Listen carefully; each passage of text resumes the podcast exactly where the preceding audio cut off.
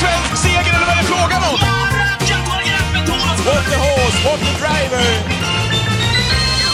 Välkomna säger vi till Travpodden den här veckan. Jag sänder uppifrån ett soligt Vången, David.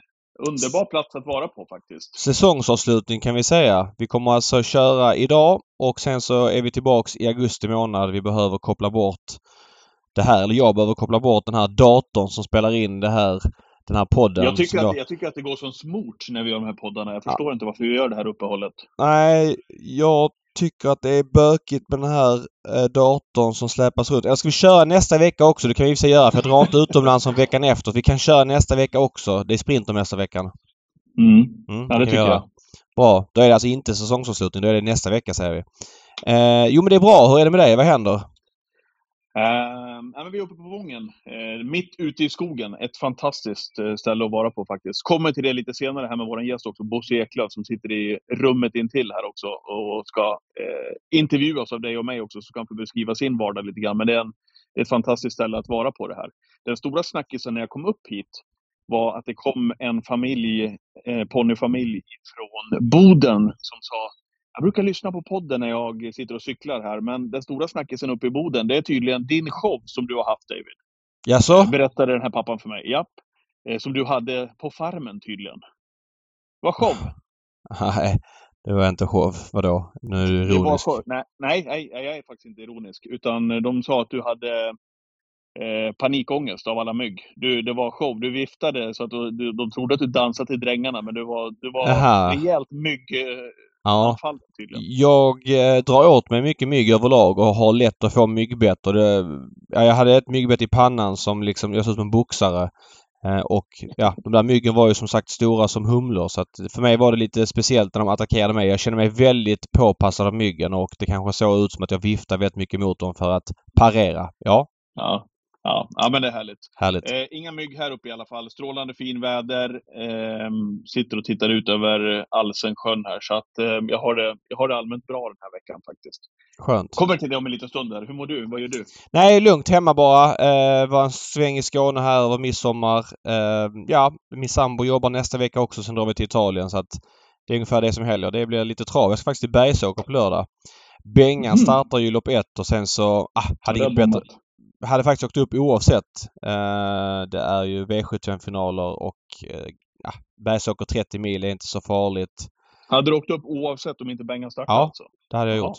Det var vår Okej. plan att åka upp för att vi hade inget bättre för oss. Så att det ska bli kul faktiskt att se hur Bergsåker är och se vad Malla, om man har satt sin prägel på den där byggnaden igen. Nu är det ju en tuff dag. Det är ju inte en inarbetad dag som de kör på lördag utan det är den här V75-finalen går ju runt mellan E3-banorna utan man kör ju var sjätte år. Eh, ungefär. Inte riktigt men Mm. det, det, ja, det snurrar ju runt i varje fall. Var tredje år tror jag man kör förresten, förlåt. Och Ja, okej. eh, ja men det, det ska bli spännande att se hur, hur det är på Bergsåker helt enkelt. Det var ett tag sedan jag var där. Passande nog då med, med en extra podd nästa vecka får du ta med lite intryck därifrån Mm, Bergsåker mm, också mm. såklart. Eh, förra veckan så eh, vi spelade in innan V86an avgjordes på Solvalla. Det var ju jättefina lopp där och jag måste bara säga det eh, här tidigt innan vi går in på V75 eh, som, som gick här också i helgen att eh, med all respekt nu till Sabine Kagebrant som jag tänkte att okej, det kommer från en väletablerad tränare, Joviality. Sabine är inte alls med samma erfarenhet, eh, samma rutin, ska ta hand om Joviality. Eh, undrar hur det här blir till slut. Jag ska villigt erkänna att jag, att jag tänkte så. Mm. Och eh, snacka om att ha blivit motbevisad. När Joviality ser bättre och bättre ut hela tiden. Jag är otroligt imponerad utav Sabines jobb och det teamet eh, med Joviality. För de får väl heta vad de vill egentligen i Svensk Travderby senare i år, tänker jag. Ja, vi får väl se lite grann. Det är ju en sak att vinna Prix Diana Sett på 11 blankt. Visserligen från dödens. Det blir ju körning i loppet så hon fick ju hjälp med farthållningen. Hon kan inte göra mer än att Mm. vinna. Hon har ju var, verkligen varit imponerande i alla sina starter. Joviality. Men Men intrycket på henne, David, så, Så är det. ut. Nu var det barfota. Jag var, tänkte samma sak där. Undrar hur det här blir. Eh, hade ja, hört det skvallras lite grann i kulisserna också om att eh, barfota inte hade funkat när man hade testat det borta i USA. Verkar som att hon har mognat, kan ta till sig den där balansen. Ja, men att den där växeln fanns också i Joviality. Nu brukas ju inte hon riktigt i loppen heller, tycker jag det ser ut som. Så att det finns nog väldigt mycket sparat. Det finns många tiondelar, kanske sekunder att plocka av där. Så är det och hon är eh, extremt bra. Jag tycker det är skitkul att se henne och hon har verkligen gjort det själv i loppen också. Framförallt då i finalen och drottningens men även nu senast även om hon fick hjälp med farthållningen. Men jag vill ändå slänga in en brasklapp inför derbyt. Hon ska alltså ut i ett kval till Storchampionatet över 2,6. Mest troligt en final över 2,6. Ett kval till derbyt över 2,6 och då en final i derbyt över 2,6. Allt detta inom loppet av... Ja, finalen av derbyt är alltså 3 september och kvalen till Storchampionatet är väl... Ja, när är det? Det är väl någon, någon vecka. Så en och en halv månad ska hon göra fyra lopp över 2,6. Det är jävligt svårt att få en stegrande formkurva. Hon kommer mm. ändå behöva springa sig lite trött i finalen av Storchampionatet även om hon då mest troligt vinner i loppet också. Sen då eh, försöker final över Svenska Travderby. Ja, det är klart att Kullen har ju ingen stjärna även om den så bra det är väldigt bra. Men än så länge är det ju ingen Francesco Zet eller Calgary Games. En bit därifrån.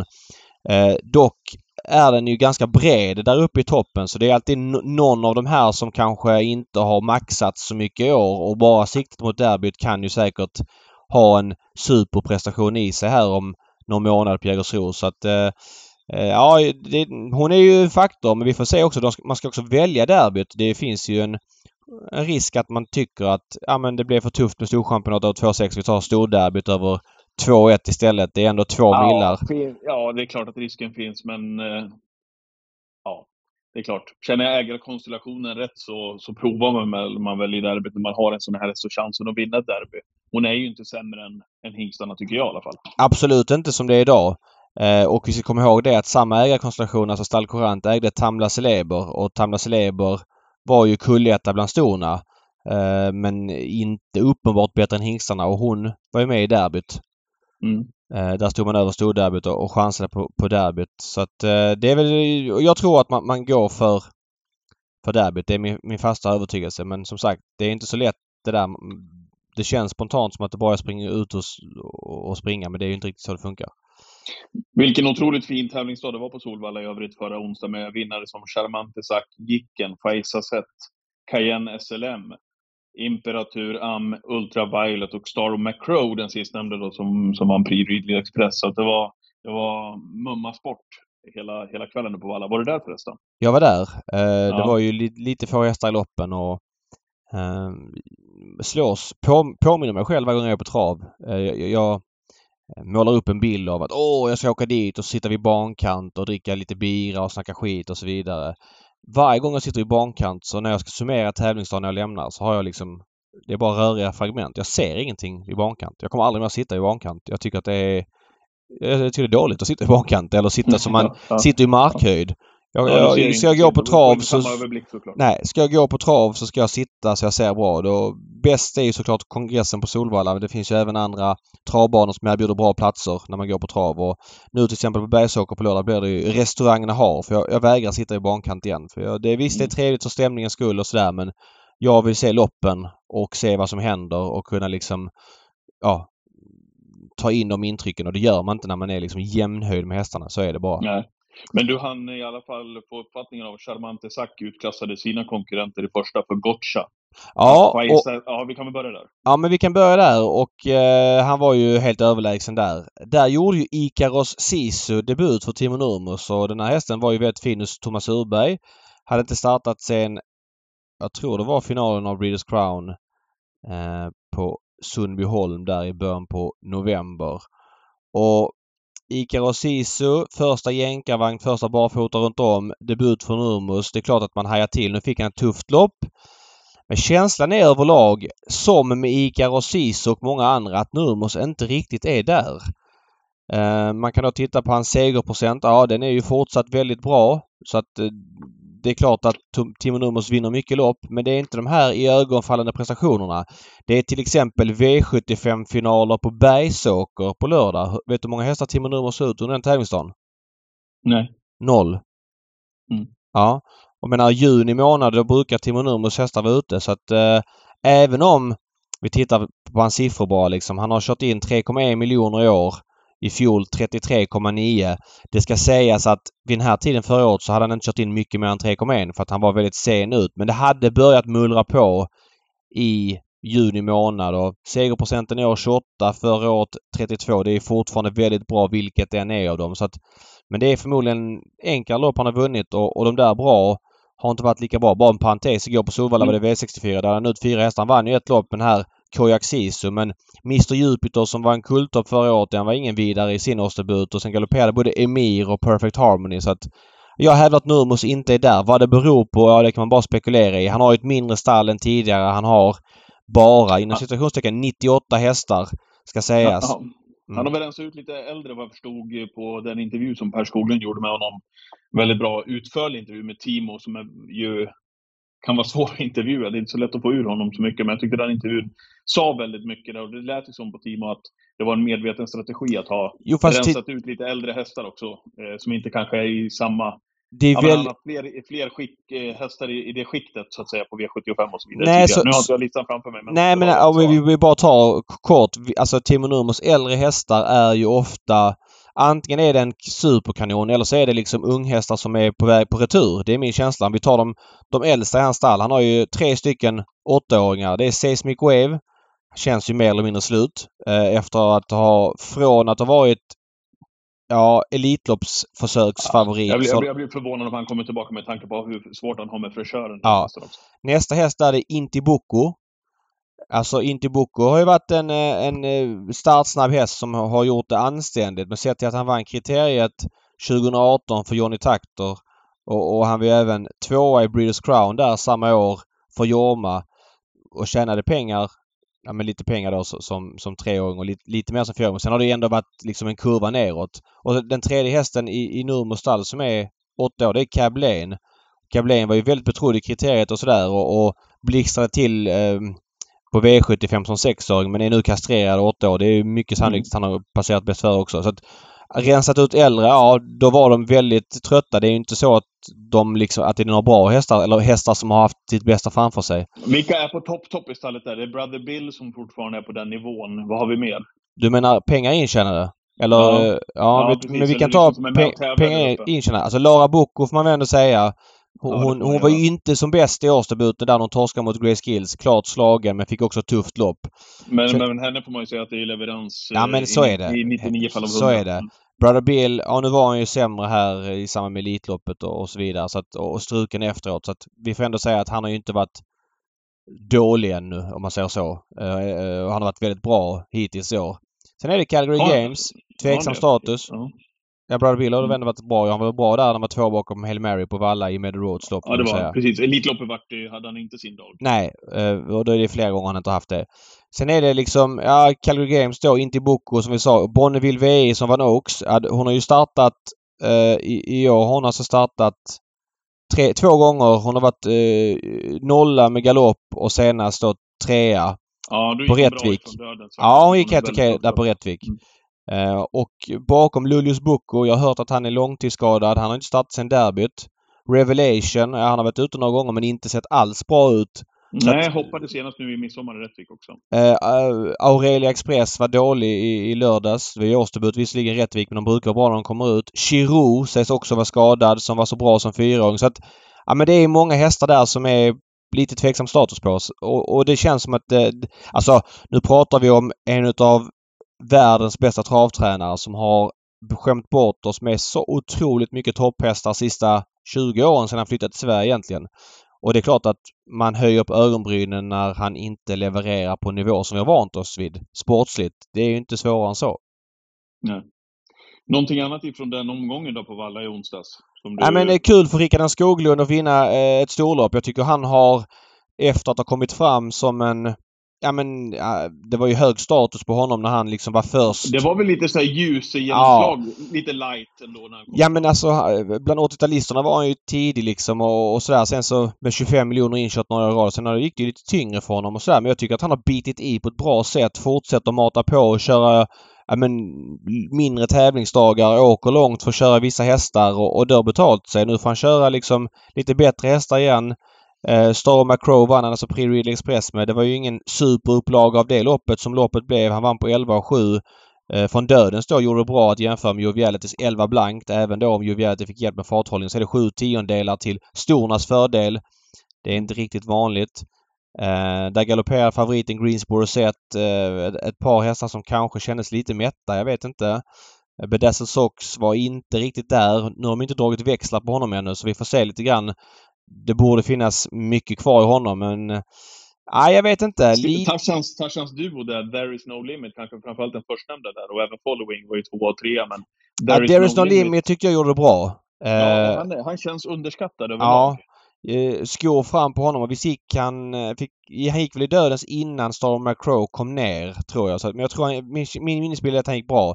Eh, following fick öppna rejält första fem. Sen så fick han dämpa till 13,9 på varvet och, och packa ändå ihop. Och där är ju drogs ju väldigt mycket förra året. Så vi får se hur kurvan är på following då. Eh, han är bara fyra år så det finns ju såklart mycket kvar i honom. Vann ju ett mm. försök till, till kungapokalen på 11-8 från spets på ett bra sätt. Men ja, totalt sett var det kändes som att det var några för mycket som underpresterade för att det skulle kännas liksom som att de var på, på rätt väg mm. mot derbyt om jag säger så. På rätt väg var i alla fall um, eh, Faiza Sett. Eh, ja. vad, fin, vad fin hon var när hon vann och, och besegrade Celias.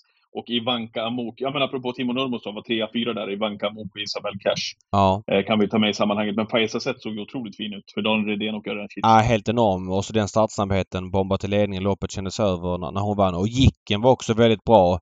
Vann ju på fina 12-8, 2140 meter voltstart. Jicken som också ska ut i Sprintermästaren. Eh, Redén har ett helt gäng som ska ut där och, och Jicken känns ju... Ska Bengan ut? Nej. Nej. Ja, han startar ju som sagt på lördag. Det blir väldigt tufft om han ska köra lördag, ja, torsdag. Ja. Eh, Jicken, eh, där pe pekar kurvan helt klart rakt uppåt för honom. Imperator Arm var väldigt bra igen. Han har inte gjort så många starter men han är ju alltid bra den här hästen. Eh, för Magnus T. Han har lite rolig stil men jäklar vad stark han Ja, han ser ut som att han är nära galopperar hela tiden. Ultraviolet var bra återigen. Kanske håller på att bli André Eklunds reklamhäst som... Eh, hon är verkligen bra i de här storloppen och kommer kunna hävda sig väl. Ja men typ till storeliten som jag ser det. Och så Star McCrow då. Så att det var bra sport på Solvalla i onsdags även om det kanske saknades ett par hästar i ett par loppen. Går Tarzans form under radarn eller är det spotlight på? Eh, Decision Maker var två bakom Joviality, Crazy Life var fyra i samma lopp. Clickbait imponerade nu i helgen. Han har bra snurr på grejerna, Tarzan, får jag säga. Han har ju växlat upp lite grann eh, från att ha haft ett mindre stall eh, en period. Han skulle ju banta ner rejält. Men nu har han faktiskt växlat upp och har lite fler hästar igen. Eh, jag vet inte om det är tillfälligt eller om det är planen men han har ju, om man tittar på inkörda pengar så var han ju, ska vi säga här, Tarzan, eh, inkörda pengar. Alltså, han har inte varit trots att han trappar ner så har han inte varit under 10 miljoner. Han hade 19 2019, 19 2020, sen 12 12 och nu har han 5. Han kommer ju landa på minst 12 igen om allt går som det ska för det är så mycket pengar att köra om andra halvan av året. Så att Tarzan nöter på om man säger så. Han har ju 60 hästar på listan. Mm. Mm. V75 i, i lördags då, eh, var det någonting där som... Ja men kan vi börja med clickbait då? Ja, söndags. Vi, vi, vi kan ta V75 söndag så kan du hoppa tillbaka till Rättvik sen då. Ja, förlåt. V75 i söndags, jag menade det. Eh, V75 i söndags på Kalmar. Var det någonting där? Vi kan väl börja med clickbait då? Ja. Som, som vann gulddivisionen. Han gillar sommar va? 9-8. Eh, kändes som att det var rubbet kvar. Ja, ja, han är helt fantastisk alltså. Och han, han, han gillar kortdistans kan man säga, som Tarzan sa också när vi hade med honom här i en podd. Ja. En, en makalös sprinter alltså. alltså Lennartsson sa ju det att det var något ryck i bilen där bakom bilen. Det brukar inte hända mitt bakom bilen. Så han tappar liksom fart och så vidare. Ändå så bara växlar han till och, och tar den där längden på Usain Tull väldigt enkelt. Mm. Um, jag känner mig som en clown när jag gick på Dragons Bar. Draken där i V751. Han, um, ja, jag satt i bilen hem från Skåne och hade ju läst på kvällen innan och i bilen. Men var, var, varför känner du så David? Um, ja, men, alltså, ja, men, det är ju, alltså kan... är det, 70 procent, men går ja. att ha en bättre uppgift egentligen. Ja men det, alltså så här, det är alltid, alltid, alltid lätt i efterhand och nu valde jag att spika honom för att jag tror att han hade haft bra chans för några positioner men alla hästar startar väl i alla fall med 20 galopprisk, eller inte alla men 15 till 20.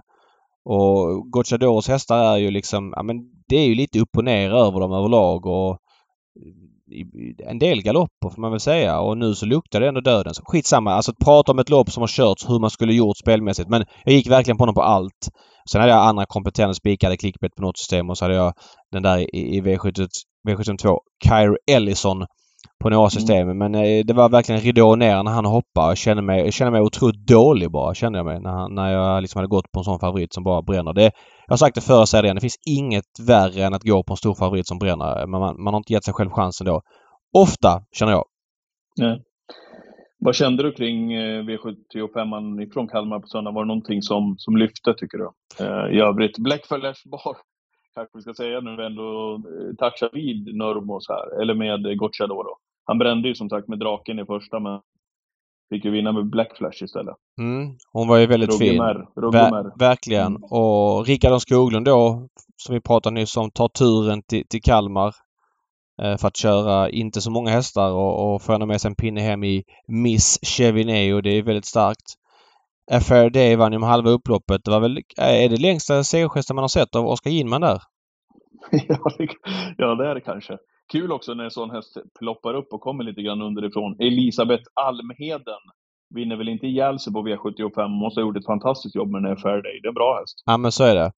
Precis, jag säger mm. att Rickard åkte alltså till Kalmar och kört två hästar. Racing Brodda femma och så fick han vinna då med Dennis Palmqvist Miss Chevineo. Det är ju det är sånt slit som gör att han får köra hästar som Star McCrow och, och håller på liksom att ja, vända den där kurvan mm. som var lite neråt från en stark start i, i karriären. Jag vill ge honom all eloge för att han eh, sätter sig i bilen och tar de styrningarna. Magnus Djuse vann med King of Everything som fick vinna eh, igen. Eh, Claes Svensson är det som tränar. Där blev det ju lite eh, vida spår inledningsvis, men så var det någon här som hoppade, kom ner i andra ytter, så vred han på direkt ut på första långsidan och samtidigt i samma moment egentligen som Magnus vred på med King of Everything så skickade ju Gotcha eh, Jimmy Ferrobier också för att liksom inte se till att eller för att eh, se till att han inte får vara med och bestämma alldeles för mycket där framme i täten, King of Everything. Men vann ändå väldigt bra, eh, på bra sätt, King of Everything, medan Jimmy Ferro tröttnade lite grann och slutade fyra. Han är inte rädd för dödens Gocciador och han är ju väldigt tacksam i våra svenska travlopp. Han rör ju verkligen till det och rör om och kör offensivt och sådär men det är väldigt kortsiktiga styrningar i många fall kan jag tycka. Det blir, ja, det blir kul att titta på ju men det blir ofta, ofta väldigt offensivt och det känns att han kommer att få betala ett pris med många hästar eller har fått göra det genom att köra så. Men det är ju som det är. Det är hans filosofi mm. och han lyckas ju uppenbarligen få fram bra hästar. King of Everything vinner alltså på 11 och 3 full väg. Det är faktiskt jävligt bra papper. Eh, den här hästen som ja, man tyckte för några år sedan eller något år sedan så här, från spets. Han kastade in väl många gånger och så vidare men sen Magnus började köra så har det väl blivit en nivåhöjning och det var ju inte... Det fanns förklaringar till att det har blivit, inte blivit så många segrar här på slutet men nu var han sådär riktigt bra igen och... Ja, kul för Claes Svensson och, och, och ha den här reklamhästen på V75. Nämnas ska också Marcus B Svedberg. Jag tycker att han har eh, levlat upp flera nivåer de senaste åren här. Mm. Eh, vann ju med Topping Artist, klass 2 var det väl va? Mm, klass 2-försöket mm. också. Mm. Eh, David, ja. eh, ska vi gå vill in du, på... Vill du säga någonting om Rättvik lördag? Du var ju där. Det var ju Breeze Crown eh, sem, eller försök eh, och topptrav, eller vill du inte säga någonting? Jo, det kan jag göra. Jag kan säga att det var jäkligt roligt att se så mycket folk. Nu har inte jag sett någon publiksiffra där, men, men känslan uppifrån taket vad gäller lördagens Swedish Crown-tävlingar var att det var, var, var gott om folk. För det var, det var långa köer, det var några som gnällde över att man inte kom in i tid och så vidare. Men jag kan, jag kan leva med det när det är midsommartrav och att det är köer in till travbanan. 3112! Ja, då får man väl säga att det är bra en Grand Slam söndag. Det är ju en väldigt inarbetad dag vilket är bra förutsättning för att dra folk. Så är det ju. Men, eh, Midsommar många visserligen uppe i Rättvik. Lördag. Man ska ta sig dit. Lördag. Eh, lördag. Och eh, fullt med bilar eh, längs eh, hela sista sväng, backakurvan som det heter. Mycket folk på upploppet. Patrik Fernlund har arrangerat i torsdags när Rättvik också körde. Ja, den gjorde du lite, lite reklam för här. Hur gick den, eh, det eventet? Mm, ja, jag var, jag var förbi och hälsade på som hastigast, men det såg ut att vara väldigt trevligt. Det kan ha varit ish, utan att jag vet, 100 pers anmälda som satt i inhägnat område där innanför en gärdsgård och eh, ja, men käkade och såg ut att ha det väldigt bra. Eh, det var DJ där som lirade. Vinnande kuskarna kom in då och körde istället för skippade segerintervjuerna i vinnarkirken så kom man in då i den här eh, inhägnaden där i Gärdsgård till det här gänget på, på uteserveringen. Vilket gör ju att det blir du får, det, det, det är kul att se det där för att eh, när kuskarna kommer in där i det sammanhanget så blir det en helt annan touch på intervjun och ett helt annat surr jämfört med att bli de här klassiska i Vinnarkyrkan. Så Men... där, där bjuder de också till på ett helt annat sätt. Det är bra, det är jubel när de kommer in och det är lite tjo och kim. Det, det gör väldigt mycket med evenemanget faktiskt. Men visst är det så att det här var en V5-dag i torsdags? Det var en V5-dag i torsdags och, och, tävlingarna var ju vad de var så att säga. Det Men inget, jag, inget extra på det viset. Jag gissar att en stor del av publiken på Rättvik i torsdags var Fernlunds gäng så att säga. Eh, ja, kanske. Ja, det var, det var inte supermycket folk i torsdags. Det är en ganska tuff dag. Nej, men det är det jag menar. Och då, då menar jag att då, då, blir det ju den dagen någonting och det är ju bra att kuskarna bjuder till och går till det här ja, tältet eller vad det är nu. Jag älskar att man provar ja. att göra saker. Liksom. Ja, jag är liksom... all, all eloge för att man provar och, och de som varit där verkar ha haft trevligt. Jag har bara sett lite på sociala medier och så vidare. Mm. Eh, men vi, vi måste verkligen göra tummen upp för alla typer av försök och engagemang. Så inte alltid allting som träffar rätt och sådär men mm. I en värld där vi vill ha bra stämning på banorna för att kunna locka nya människor. Jag menar eh, om det kommer nya människor till en travbana och de känner oj här var det folk och här var det bra drag. Då tycker ju folk att det är en ballare upplevelse om det är helt dött. Så mm. det är ju jätteviktigt ur den aspekten. Eh, ja, vad kan sägas om eh, tävlingarna framförallt då i, i, i lördags på, på Rättvik? Katzenjammer vann igen. Det är ja, en väldigt fin treåring. Otroligt fin. Jag har varit, eh, jag varit väldigt imponerad utav honom faktiskt. Jag hade ju, gick ju på Micke Sting på våra system. Han var ju spelad på 14 procent tror jag. Mm. Eh, Claes Sjöströms häst, Ridley Express son, eh, som var väldigt bra ifrån ledningen. Men han fick ju se sig ja, men klart slagen av Katzenjammer. Micke Sting gjorde bra, men Katzenjammer imponerade. Stefan P Pettersson, fin treåring han har fått fram där i den där, i den där hästen faktiskt. Eh, I övrigt, Lara Westwood vann eh, mm. för Ljuse. Let it be VP eh, har vi sett här i Sverige vid några tillfällen. Vann ju långloppet där för Robin Backer, Hagorter som tränar. Den var bra. Game Brodde, väldigt fin i, i sin Breeders Crown-uttagning för Erik Adolfsson som körde upp Johan Untersteiner, måste jag säga. Mm. Där slutade Periculum trea. Eh, Vilket tufft lopp. Han ska också till Sprintermästaren. Mm, Okej. Okay. Det blir idén för Ja, det känns så. Eh, och sen så var Best of din trio enorm också där i dagens dubbel Verkligen. Eh. Det får man också ge Kim som, som kör. Han, han sparar inte på krutet utan vill ju gärna visa upp sin häst. Och ja, ja. Jag, kan, jag, kan, jag måste gilla det för att man ser många gånger liksom det tas upp nästan också i de där lägena. Och, ja, här, här är det full show sista 200 och han var fruktansvärd igen bäst och blir en trio.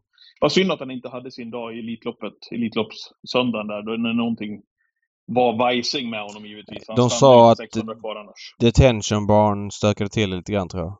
Ja, just det. Han gillar inte alls att, att resa över natt om jag förstod det rätt. Han hade väl åkt tidigt, tidigt på morgonen till Rättvik också nu.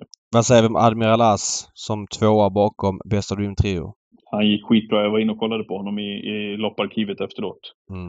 Eh, och eh, hamnade ju sist den här gången också. Ja. Det är väl lite grann utav hans dilemma också i den här klassen att han är ingen snabbstartare så att han kommer ju få göra jobb liksom. Det är, det är så det ser ut. Det är ingen clickbait som sitter i främre träffen direkt utan han kommer ju få han kommer få jobba tungt när han ska ut på slutrundorna i den här klassen han är i. Så att, men eh, avslutningen, otroligt bra. Mycket, mycket bättre intryck än gången före, även om han bara togs väldigt easy för Kihlström den gången. Mm. Nej, håller helt med. Eh, veckans gäst ska vi gå in på nu. Bosse Eklöf sitter i, i, i rummet intill. Här. Ja, men gå in och knacka på honom och säg åt honom att göra sig redo. Ja. Välkommen till Travpodden säger vi till Bosse Eklöf. Välkommen Bosse! Ja, tack så mycket för det. Hur är läget? Ja, jag är väl inte i samma vigör som jag var när jag var yngre. Det har ju varit några smällar och den senaste smällen här i oktober gjorde väl att det blev ganska mycket stopp i tillvaron. Jag har väl fortfarande svårt att gå. Jag är sjukskriven fram till september till att börja med. Vad var det för smäll?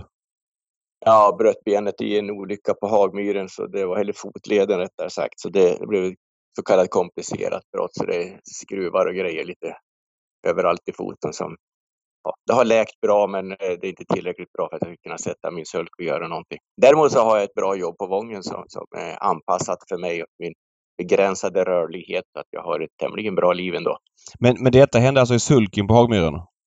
Ja, jag blev påsprungen av en häst i starten som hade kommit loss. Kusken ramlade ur och den hästen skenade över mig och min fot bröts av i fotsteget. Så det, det det var ingen bra upplevelse och nacken och ryggen fick sig en sjujäkla smäll. Men som tur var så är jag ju den som ligger bakom, eller en av de som ligger bakom att vi ska ha säkerhetsväst. Utan den vet tusan om jag hade överlevt och hjälmen naturligtvis. Men, men du har varit med om lite olyckor. Hur eh, farlig var den här olyckan jämfört med andra du varit med om? Ja, det här var ju den smäll som har känts mest och gjort värst skadade kan man väl säga. Jag åkte ambulans tre gånger ifrån banan med, med frakturer och, och en gång ambulans hemifrån stallet också med, med rejäla frakturer. Men, men det här, den här tog riktigt hårt. Mm. Mm. Så du har kört ditt sista lopp nu kan man säga eller hur ser du på framtiden? Finns det möjlighet att du kommer tillbaks till sulken? Jag har nog sagt det förut, frågar du min fru så är det färdigkört. Ja. Hon står och, och skriker ibland när hon blir som mest förbaskad på om hon inte kan spela fotboll med pojkarna. Var det värt det? Säger hon. Det var Men- väl men kanske du- inte meningen. Att att Du det säger ju Bosse, eh, du säger ju Bosse att du är inte i samma vigör som tidigare. Jag sa precis till David här, vi kan väl berätta det för våra lyssnare också, att jag och Bosse sitter i rummen intill varandra faktiskt, uppe på Vången här. Eh, och jag sa det till dig David innan här, att jäklar vilken trim han håller sig i, Bosse ändå, eh, efter, efter alla dessa år. Det måste du ändå medge, du, du håller dig i bra skick. Ja, försöker väl. Jag har ju, jag har ju löpt och tränat och, och gymmat under många, många år. Och, och det, man har ju någon sorts muskelminne så varje gång jag hoppar upp ur sjuksängen så, så landar man ju på gymmet det första man gör. Och, och, och det är klart att det hjälper till. Nu, nu kan jag inte göra några konditionsidrotter längre mer än att jag har lyckats komma på cykel. Eh, Visserligen ett av de objekt som jag hatar mest förutom situps är att cykla på en motionscykel. Men jag kör intervaller på motionscykeln och jag tycker att det ger mig en hel del och eh, gick in på sportaffären och köpa nya sorters pedaler till, eh, eller trampor, vad heter det, pedaler heter det, som man har på cykeln så att jag kan, kan cykla på min egen cykel hemma vid också nu så att eh, jag håller mig hyggligt i form och jag hoppas Ja, det är bra. Eh, En, en grej jag aldrig förstått det är när din karriär liksom trappades ner. För när jag började med trav så var du ju hög, hö- högaktiv i början på 00-talet. Men sen känns det som att du för ett x antal år sedan typ slutade men kom ändå tillbaka och körde lite då och då men i mindre utsträckning. Sen var det tv-jobb och sen var det mycket tv-jobb. Sen var det inga tv-jobb. Sen dök det upp i tv igen. Kan du bara förklara lite grann hur det har sett ut de sista 20 åren för dig? Ja, sista 2001 bröt jag armen och blev ju eh, inte så bra efter det och, och körde väl kanske mera begränsat efter. Handleden blev ju dåligt skick helt enkelt och, och jag fick säga ifrån med en del styrningar och sådär. Börjar man säga ifrån körningar så tappar man gärna lite till. Ja. 2005 så fick jag en nervskada i ryggen efter en diskbråcksoperation så fick jag ju lära mig att gå igen. Och 2010 fick jag frakturer på tre ryggkotor i en olycka på, på, på Östersund. Och sen 2017 när jag hade gått ner på tränarpensionen, då bröt jag ju lårben och höftben på vänstra benet. Så nu då när jag kom igång så blev det högra foten. Så det har ju blivit naturliga stopp, eller onaturliga stopp kan man väl säga, med ojämna mellanrum. Okej, och alla de här skadorna utom operationen är kopplade till travolyckor?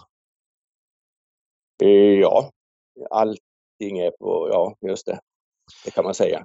Okej, men- Diskbråcket är väl också relaterat till hästkörningen kan jag säga. Jag fick det när jag vann gulddivisionen med Popguard på Boden, travet. Jag hade ett helsike, den dagen rättare sagt, jag hade ett helsike att ta mig upp till Boden, ännu värre att komma hem. Men gulddivisionssegern gjorde jag den dagen lättare. Eh, TV-jobbet då? För du, när började du med TV och sen så trappades ner men sen har du kommit tillbaks och har kört lite här. Är det sista året eller sista ett och ett halvt året? Eh, Som jag kört häst, eller menar Nej, alltså jobbat i TV som expert eller Ja. Live? Ja, just det. Eh, Jag fick ju komma tillbaka och göra en del sändningar, Solänget, Skellefteå och, och några till lag med eh, Anders. Mm. Och, och det tycker jag är jättekul. Del, det är ju lite begränsat att sitta där och ha tidsstyrd med sekunder och sådär, så man kommer väl inte så väl till tal som till exempel Forsken och Höltman får göra i ATG Live och, och, och orera med lite mera tid, men ändå väldigt, väldigt kul att få, få göra lite tv-jobb och det har jag gjort mycket genom åren. Jag var väl en av de tidiga som var med Håkan Ahlqvist och Jocke Johansson och allt det heter det Via Sport eller vad heter det? Ja, exakt. Mm. Travet gick på vardagarna på Sport, precis. Ja, och jag, jag var ju med där och sände från pinnen upprepade gånger och, och, och mycket ut på dagens dubbelbanor och allt möjligt också. Så, så, jag har gjort väldigt mycket trav-tv faktiskt.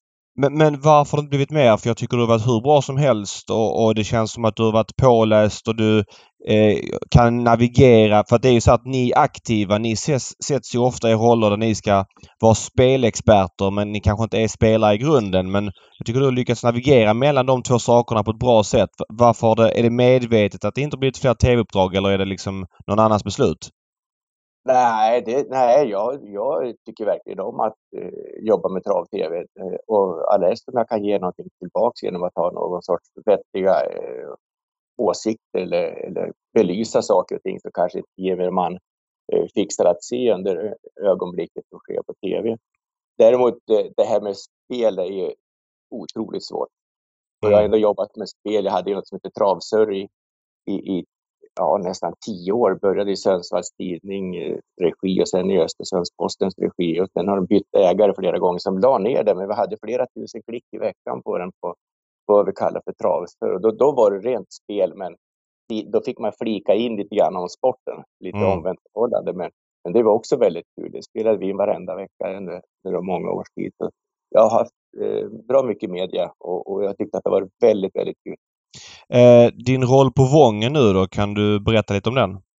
Kan, kan, Bosse, innan du svarar på Davids fråga, kan du inte bara beskriva vår utsikt för David? Han sitter hemma i Stockholm. Visserligen i en, i en fin lägenhet, men eh, kan du inte bara beskriva för hur vi har det?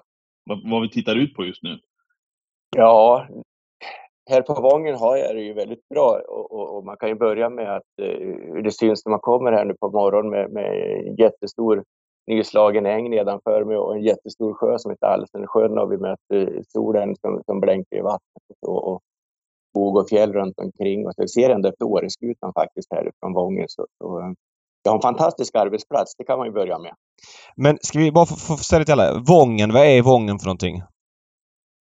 Vången är ju en tidigare hingstation grundad 1903 och ligger bakom väldigt mycket av den brukshäst och kallblodsuppfödning som har bedrivits i Sverige under första hälften av förra århundradet kan man ju säga. Sen 1959 blev väl traktorerna fler än kallbloden eller arbetshästarna och därefter så avklingade ju Vångens eh, avelsverksamhet. Men ända in på 80 och kanske ännu längre, 80-talet var det hingstar uppstallade här på, på Vången och det bedrevs inkörning av brukshästar och så vidare. Så Vången har en lång tradition. Okej. Men, men nu då? Eh, alltså nu vet jag vad det är men det är många lyssnare som kanske inte har full koll. Ja, det, Vången ligger precis 50 kilometer ifrån Östersund på vägen mot eh, Åre. Man svänger av eh, E14, något som heter Tingstad och kör genom Nälden där jag bor 18 kilometer från, från Vången. Eh, ligger ganska högt och, och vi är utsatta för nordvästvinden oftast men vi är också utsatta för ett väldigt härlig sommar som det är nu. Så det är ett fint ställe. De flesta trivs fantastiskt bra här. Men det är en travskola, alltså det är, en, är det, vad kan man säga, att det är en utbildningscentrum för de som ska bli travtränare och så småningom men även för folk som vill jobba med andra grejer än travet eller hur kan man definiera ja, det? Det är överhuvudtaget häst. Som är, är, är utgångspunkten, är ju häst. Vi har ju Islands hästutbildning som det kallas för, utbildar inte Islands hästar utan vi utbildar ju ryttare som uh, eh, går vidare och där finns det ju både gymnasie och eh, uh, hippologutbildning på Islandssidan. Sen har vi hovslagarverksamheten, treårig utbildning även den, där de går ut med eh, certifierade hovslagare. Sen har vi tilläggsutbildningar till hovslageriet till exempel, så det är inte bara den treåriga gymnasieutbildningen trav och sen har vi då treårig hippologutbildning trav som har tidigare varit väldigt uppskattad men senaste åren har haft dåliga, dåligt med ansökningar till just den biten och det är den biten jag saknar för vi har haft väldigt duktiga hippologer här tidigare och en jätteintressant utbildning. Så den, den tycker jag verkligen är värd att, att, att få en spark och komma igång på ett bättre sätt. Eh, din roll nu då Bosse, just här på Vången, vad är, det, vad är det du bidrar med din kunskap och din rutin och erfarenhet till alla ja, elever? Jag var ju tidigare stallchef här och ansvarig för i stort sett hela den övergripande verksamheten förutom att Jan Hallberg är den som är sportchef. Då hade jag alltså ansvaret för hästarna in och ut och tävlandet och, och en hel del utbildningar. Men just nu så går jag, har gått ner på att jag kör det vi kallar för licensutbildning eh, och även eh, B-tränarutbildning eh, är jag ansvarig för här på, på skolan. Och det, det passar ju bra mest på sal och, och, och kan visa lite grann hands-on sedan på plats ute och står i, i startvolten till exempel och sen försöka visa filmer och så vidare hur man bör göra och inte göra. Det är svårt att förklara hur man ska göra när man inte har hästen med sig. Och, eh, och vi kör mycket, mycket tid med, med, med just de momenten med, med, starter och volter och liknande. Sen har jag ett ämne som är otroligt intressant och det heter idrott och specialisering. Och den går jag gärna in på gymmet med eleverna för att visa vikten av bålstabilitet till exempel och liknande, vad vi utsätts för, där vi bör vara starka. Och det har jag också haft på hovdagar-eleverna, haft en del fysövningar, fysträningar och sen framför allt att vi går in och, och tittar specifikt på vad eleverna gör när de kommer ut på tävlingsbanan, när man beter sig på en tävlingsbana och eh, inte bara i racen utan hur man förbereder sig inför tävlingar och liknande. Och där tycker jag att jag haft en väldigt, väldigt bra respons ifrån de elever som har valt den linjen. Eh, vilka är det som är elever? För det är ju vi som kanske konsumerar trav på nivå. För oss är Vången väldigt mycket proffstränarkursen. Alltså man, man, man, är lärling och så måste man gå den här kursen innan man tar ut A-licens på Vången. Men det finns ju andra typer av elever. Vilka är det mer som, som pluggar på Vången? Ja, det är ju väldigt många som går på Vången som, som vill vara bra utbildade hästskötare. De kanske inte har ambitionen att uh, bli travkuskar. Sen har vi ju väldigt många som har väldiga ambitioner att bli travkuskar också och vi har ju väldigt mycket diskussioner just runt om forumen hur, hur man bäst utbildas för det här ändamålet. Eh, det är ju en del av hippologerna till exempel, de, de går ju ut och kanske inte jobbar direkt med hästen utan vi har ju eh, Mette Pöckerman till exempel har ju åkt runt och gjort vissa saker, jobbat med svensk travsport på andra ställen och har flera andra hippologutbildade som går ut och jobbar på anläggningar för rationaliseringar av anläggningar och liknande. Vet, våra hippologer var och hjälpte Daniel Redén för ett antal år sedan, eller våra studenter då, som studerade hippologlinjen, till exempel med rationaliseringar av vissa saker. Så de, de går ut med olika, olika eh, möjligheter i, i sitt bagage, tycker jag många. Mm, fattar. Det är ju intressant att veta för att man är inte riktigt insatt där. Patrik, lite oklart. Vad gör du på Vången? Ja, vad gör jag på Ången? Eh, nej, men det är ju så att några som faktiskt Bosse är eh, engagerad i nu också, då, eh, bland många andra här uppe, så är jag på någonting som kallas för PEV, det är Pony Elitveckan som Svensk Travsport eh, bekostar för ett x antal ungdomar eh, i ponnytravverksamheten. Eh, så att eh, då är min yngsta dotter uppbjuden på det här eh, och går då den här utbildningen här mellan måndag till torsdag. Och eh, det är, ja, men det, det är otroligt imponerande att se Bosse, vilken verksamhet som bedrivs här, eh, förutom, förutom det som du nyss var inne på eh, vad gäller ditt område också, med tanke på att de, de har gått nu, under gårdagen delades de in i grupper till exempel när det är veterinärcheck på ponnyerna. Vi har med oss upp det, hullcheck, det är massage och stretching. Det var hovkoll. Eh, och det var tömkörning och sen ska ju du på här alldeles strax här också eh, iväg Bosse, det du gjorde igår med eleverna. Jag tycker det är otroligt häftigt faktiskt och visar också på det engagemang ni har här uppe för att få att man tar hand om de här yngre som är på väg upp inom sporten också. Du kan ju berätta lite grann vad ni gjorde igår och vad ni ska göra alldeles strax. Ja, igår eh, så hade vi ju den dagen D, höll jag på att säga, till, för, för eleverna när de ska visa upp sina hästar i, i, i så gott som tävlingsskick för att eh, vi ska kunna bedöma om vi kan hjälpa dem vidare med att utveckla sitt ekipage. Alltså kanske inte utveckla sin häst lika mycket som ekipage, att vi försöker se helheten på det de visar upp för oss. Vi filmade alltså 48 hästar tror jag vi filmade igår och, och vi stod ju stod där ute i stort sett från, från var det nio, halv tio på morgonen till, till eh, sent på eftermiddagen. Och, och eh, då kör de med bil bakom, bredvid och framför hästar och filmar. Och vi ska titta på dem idag med slow motion-upptagningar och i, i, i vanlig hastighet också naturligtvis och försöka ge varandra tips om, om hur vi kan förbättra ekipagen. Och, eh, det brukar bli en bra dynamik i det vi går igenom idag när, när föräldrar och, och, elever får komma till tals med och om vad de ser för någonting. Och, och um, jag måste säga igår var det väldigt bra klass på, på, på hästarna. Det är det i stort sett varje år, men, men, det var en väldigt bredd igår. på. Vi ska väl säga också att de här eleverna som är här, de är väl utsedda av respektive travsällskap för att de har varit utmärkande, utmärkta, utmärkta eh, ponnykuskar under det år som har gått. Så att de är ju här av en mm. anledning. Det är som ett mm. stipendium de får ifrån sina, sina hem, eh, hemmabanor. Just det. det är mm. duktiga tjejer och, och pojkar som är här. Och det som är intressant, det dyker alltid upp tre, fyra, fem stycken som har eh, travtränare eh, eller tidigare stallanställda och, och eh, det är sällan det går en kurs här och att jag inte är bekant med några av föräldrarna genom tidigare liv. Mm. Um, hur mycket följer du travet, typ V75 och sånt för dagen?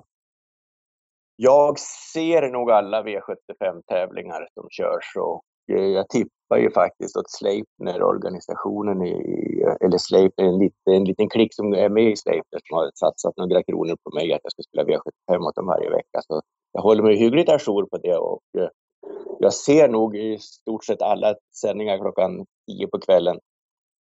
Hur tycker du att travet mår för dagen? Ursäkta? Hur tycker du att travet mår för dagen? Jag tycker att vi har alldeles för lite hästar i racen. Och det betyder ju att vi kör för många lopp. Och det blir ju, spelvärdet minskar ju och det blir ju sämre omsättning om man har sådana lopp alldeles för mycket. För eh, har vi inte 12-15 hästar i loppen så är det ju ganska lätt att köpa racen för de som spelar med stora plånböcker och då tar ju de också det mesta av vinsterna. Eh, jag tror att spelvärdet är, något som kan vara väl så viktigt som den sportsliga kvaliteten i racen. Men eh, det måste vara ett symbios.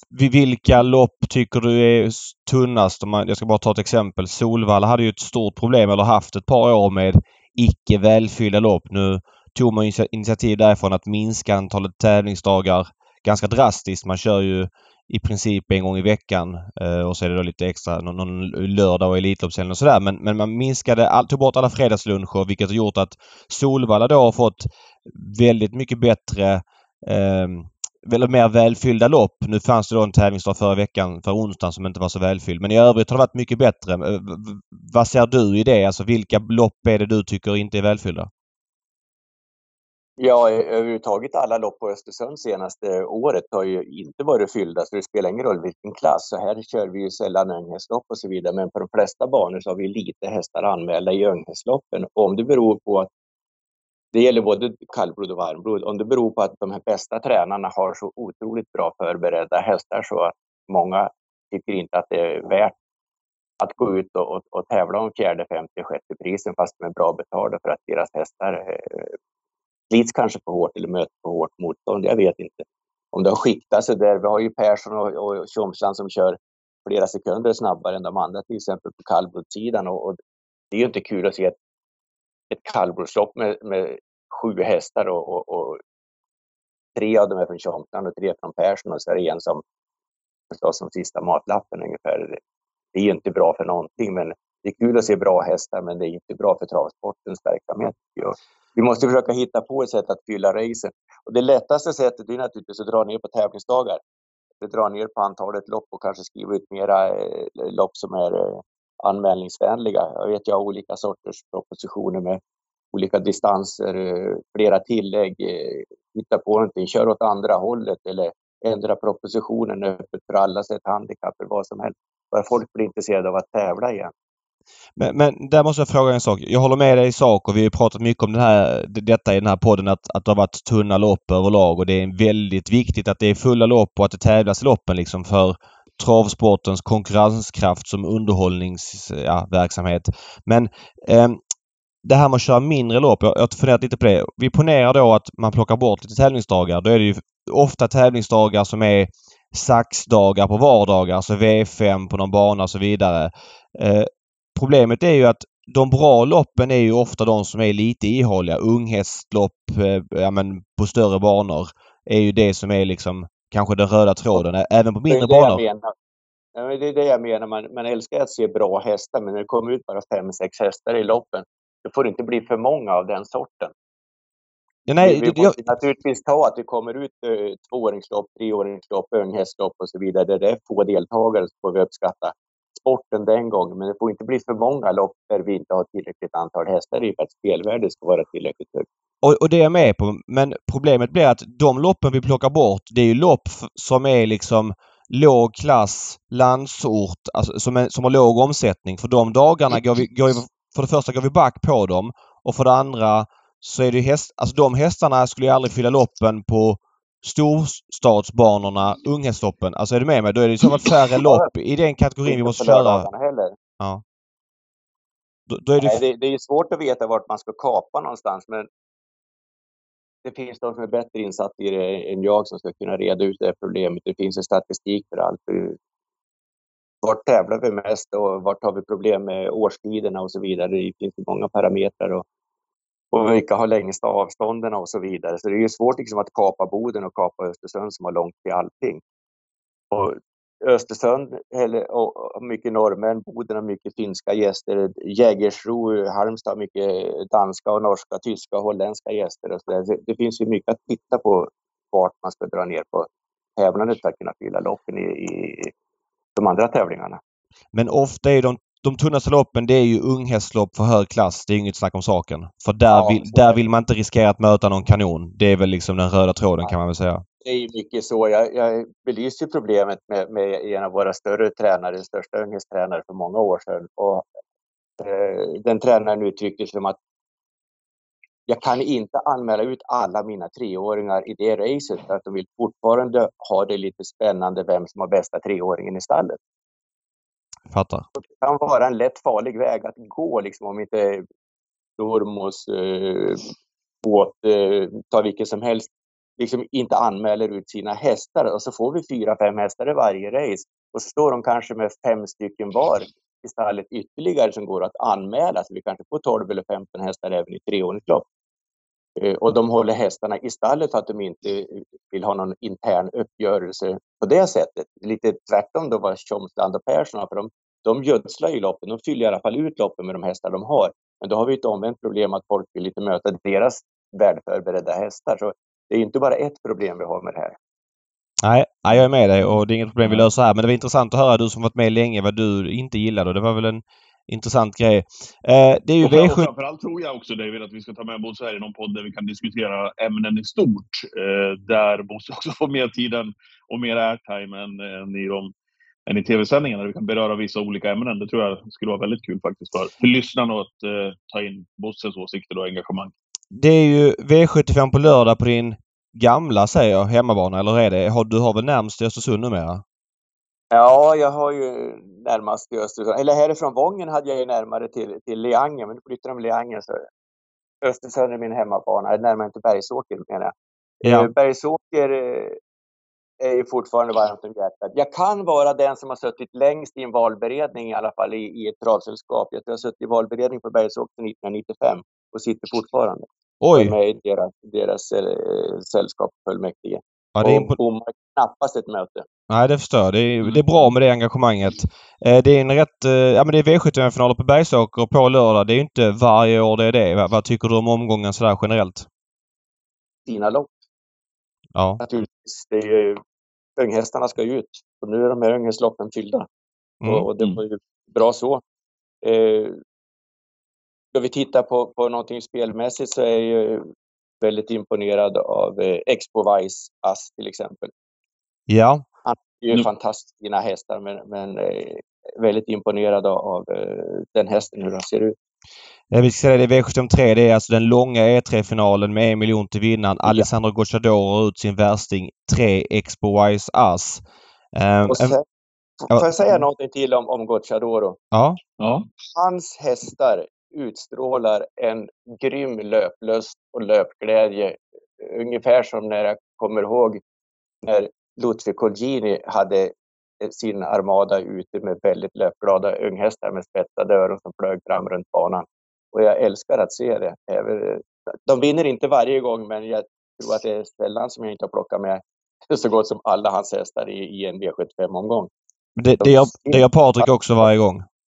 Ja, ja men det, och, och, och, av samma anledning som Bosse säger, att de kommer ut jag, jag, jag, tror knappt jag kan nämna någon som inte kommer ut och ser ut som Bosse säger. Med svansen i vädret, eh, glad, öronen klipper. Ja, det, jag håller med fullständigt. Ja, det är fantastiskt ekipage att se. Jag, jag hyllar verkligen Alessandro Gocciadoro och hans hästar. Det spelar ingen roll vad det är för stam på hästarna. Alla ser, ser lika vassa ut och, och, och, och, går verkligen framåt. Och de utvecklas under tiden de är i, i, i Sverige.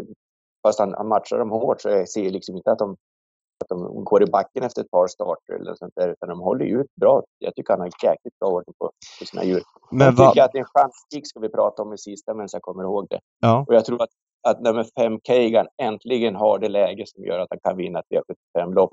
Jag tror han är obesegrad i ledningen.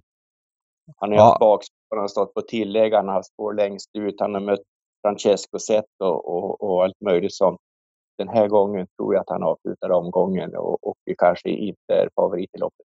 Nej, det blir han absolut inte. Det kommer great, great skills bli. Så det är intressant. Jag eh, tittar också på Kagan lite grann om han tar spets där och jag gissar att Robban vill köra i ledningen. Han vill knappast släppa till Wäjersten och då blir det race av det hela för han var bra näst senast på Östersund också.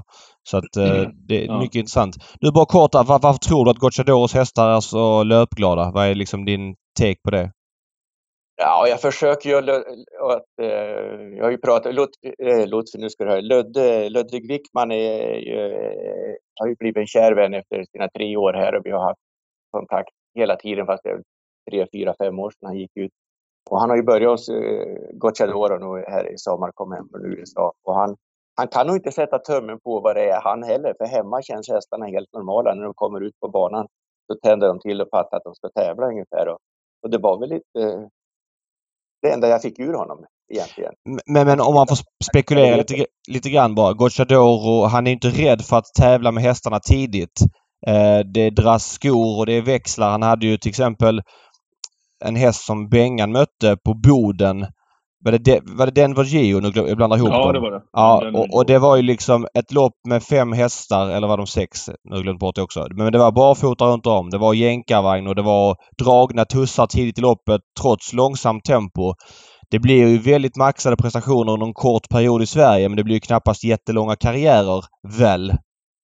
Ja, det finns ju en sanning i det du säger och eh, om vi drar skorna på tvååringar och treåringar och, och, och, eh, maxar dem i utrustningen så har vi knappast någon häst som vinner Prix d'Amérique. Uh, av en känd tränare uttalat, jag tror det var Robert Berg som sa det för ett antal år sedan.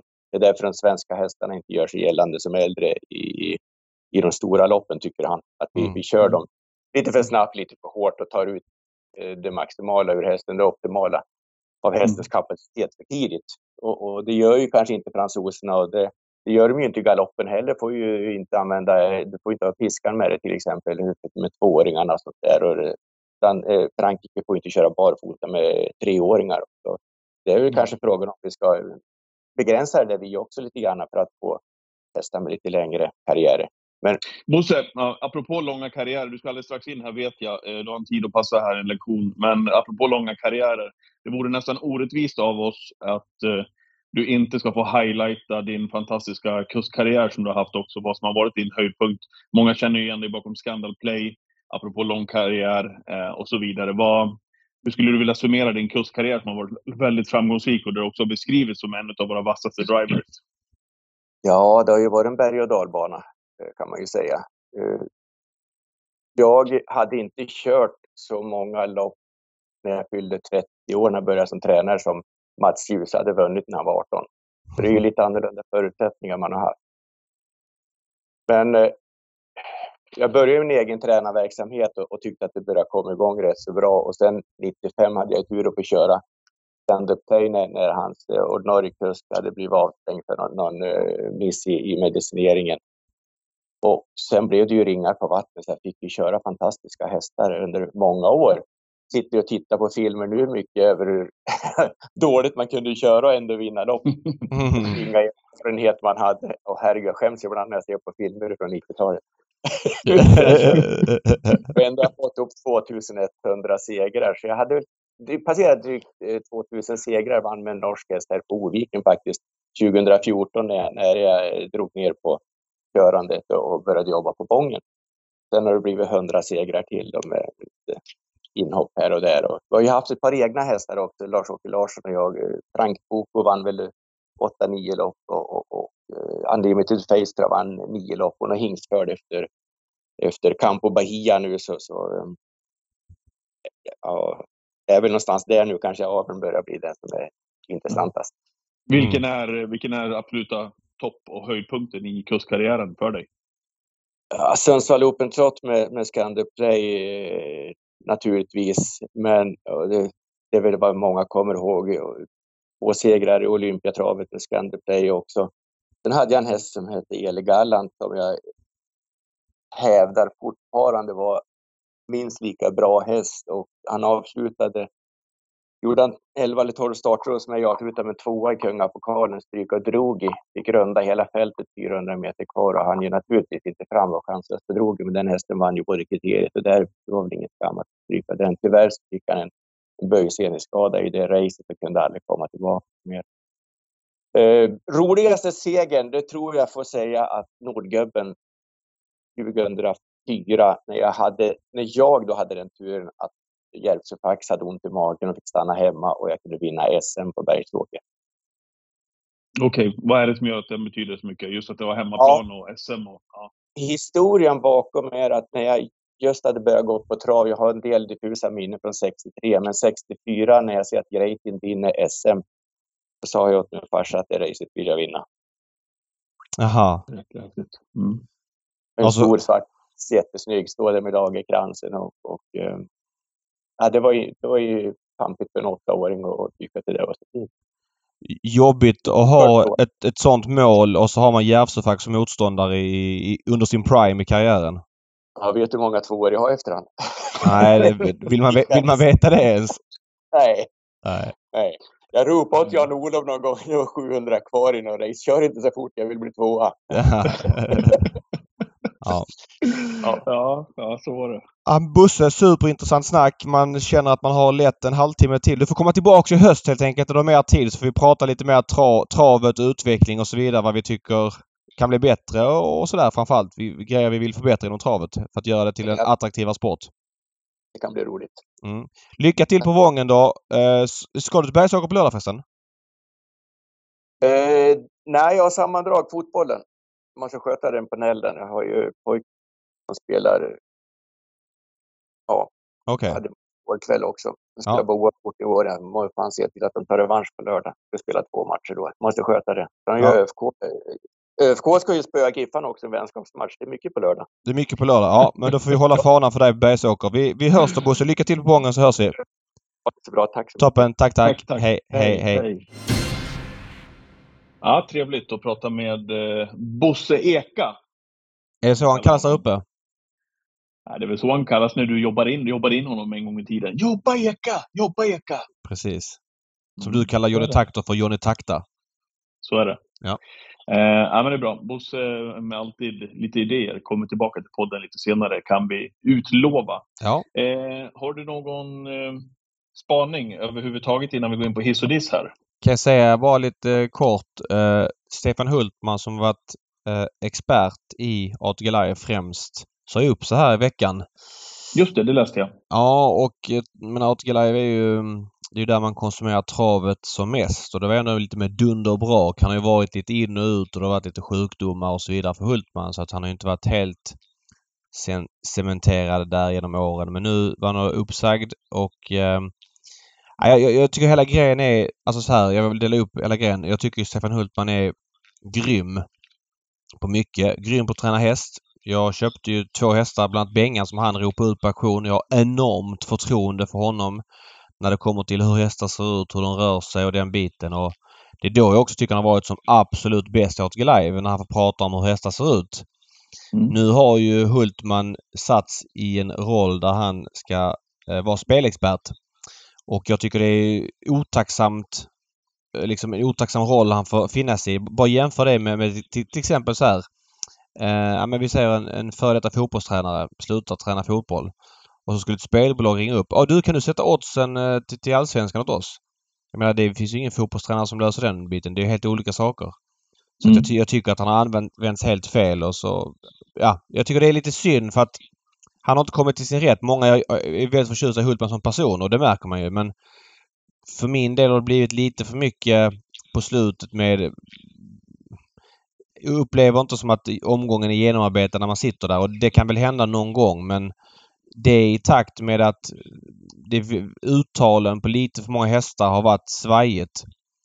Det har ju varit en, en, en spiral lite grann neråt och jag tycker det är synd om Hultman att han har tvingats, eller tvingats, men att han suttit där i det liksom tillståndet.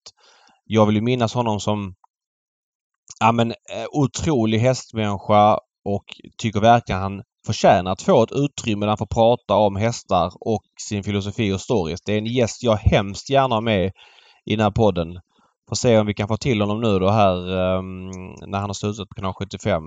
Eh, tråkigt att vi inte får se honom längre även om jag gärna hade sett honom i en annan roll än den han haft på slutet. Men uh, totalt sett så hoppas jag verkligen att han inte försvinner liksom nu utan finns kvar på någon vänster i, i någon roll där, där uh, man har nytta av honom så att säga. För jag gillar verkligen att lyssna på honom när han pratar om sina ämnen. Mm. Nej, jag håller, håller med helt och hållet. Vilken kunskapsbank han sitter på. Trots så är det. Så är det. När han får prata om, om rätt saker. Eh, har du någon vinnare till V75 eh, nu på lördag? Det är ju en omgång som eh, Ja men den är rätt rolig. Jag gillar ju finaler och sådär. Det är många kända hästar. Det är klart att Alessandro Gocciadoros Expo Doktorn. Wise Ass. Nej, Expo Wise Ass. I, Doktorn då? Mm, men Expo Ass blev ju jättefavorit i, i E3-finalen där. Han är faktiskt anmäld barfota runt om. Nu brukar Gocciadoro anmäla så men slå på skor eh, sent. Jag vet inte varför han drar skorna på det här. Det känns inte som det behövs riktigt. Men eh, där han blir storfavorit såklart. Expo Ass. Jag kommer dock, som det känns nu, tar det för det, det här är onsdag förmiddag, men jag kommer nog bygga mycket av mina system på pole position i V75 2. Han eh, har spår 8 visserligen bakom bilen och det är ju dåligt och möter många som går barfota och allt det där men han är bästa hästen i det här loppet och jag tror tredje spår fram i dödens eventuellt tar över så är loppet över. 24 procent mm. i skrivande stund. Mm, varför inte? Dr. Joe, ska han verkligen vara spela på 6 Det lär han väl knappast bli innan det är klart va? Även om han möter Greensboro och Lindels Massmania, så de drar väl mycket streck. Den duon kan jag tänka mig. Han var ju ändå, alltså Lindy Massmania var ju inte som bäst senast, så då var ändå doktorn typ chanslös. Nu är det ju barfota runt om på doktorn då men äh, jag tror mm. inte han räcker mot dem där faktiskt. Uh, ja, men visst, 6% kanske är lite litet. Gocciadors hästar är ju så att när de vinner så är de ju, vinner de ju för att de är bäst. Det är ju sällan mm. han hittar liksom tredje inner och ger sin häst en löpningsfördel kontra en konkurrent. Liksom, och, och, att de vinner Nej, av den sant. anledningen. Ja, men hans hästar måste vara nästan vara bäst i loppen för att vinna så att uh, det kanske kan ja. gå. Men var det din vinnare då? Eh, nej, men jag tyckte att han var väldigt lite spelad. Eh, intressant barfota runt om. Sen, sen hörde Bosse och du trodde lite grann på Kagan där, men där har ju också Gotcha Blumen Indal som hoppade bort sig i Boden senast. Det är som du säger, det är lite grann ibland, lite ibland eh, topprestationer eller eh, också en galopp som spolierar möjligheterna. Men landar han runt 12 procent, Blumen Indal, så, så är han ju tidig. Mm, nej men jag gillar Kagan där. Han känns faktiskt lite spännande. Men det är klart att Great Skills eh, intrycksmässigt senast och så helstängt huvudlag då mest troligt igen blir ju en tuff, tuff nöt att stå emot för övriga. Så är det bara. Mm. Uh, men hon blir väl kanske spelare efter så vi får se. Men vi är tillbaka. Har du, har, har du tanken då att du kör twitchen ifrån Bergsåker? Ja, det är tanken. Uh, vi kör twitchen 13.00 på uh, lördag. Och ja. Ja, vi körde inte i lördags för att det blev lite Ja, jag behövde sitta i en bil hela dagen och det blev inte optimalt liksom för mig att stanna en timme och köra twitchen så vi fick ställa in. Det ska vi inte göra i lördag. Så jag vill faktiskt reservera lite grann för tiden. Det kan bli lite senare men vi återkommer om det men det är ju då någon gång för jag ska upp till Bergsåker så kanske kommer fram lite senare så kanske vi kör kvart ja. över, 20 över. Men det får man hålla koll på om man vill hänga med i twitchen. Så är det. Mm. Eh, bra, då rundar vi med detta.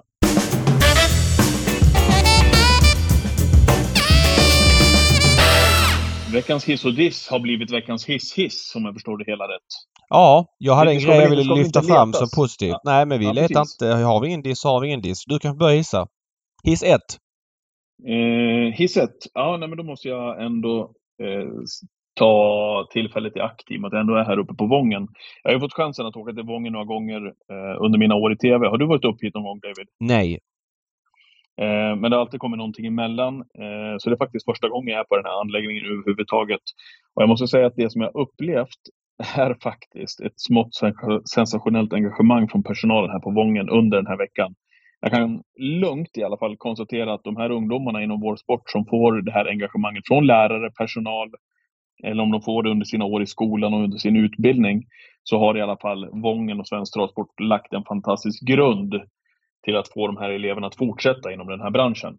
Mm. Jag kan bara ta ett exempel. När jag var ute och gick igår här på, på Vången så var det rundvandring. Och då eh, var det Janne Hallberg som eh, hade den här rundvandringen. Eh, Janne som Bosse nämnde nyss, han är ju sport, han är sportchef här på Vången. Jag tror att han sa att han hade varit i 22 år.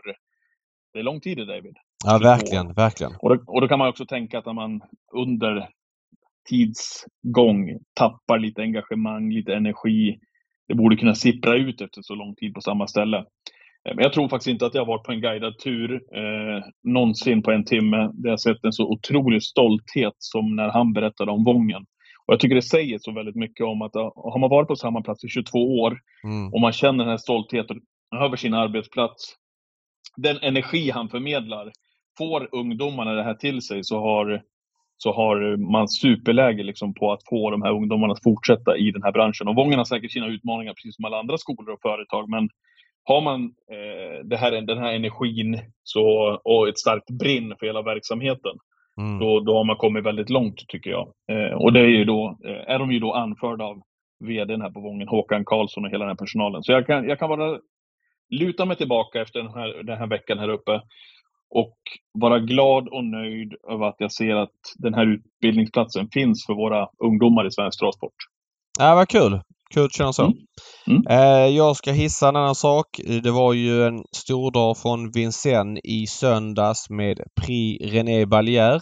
Såg du loppet? Nej. Hönek gick i ledningen eh, på Vincennes.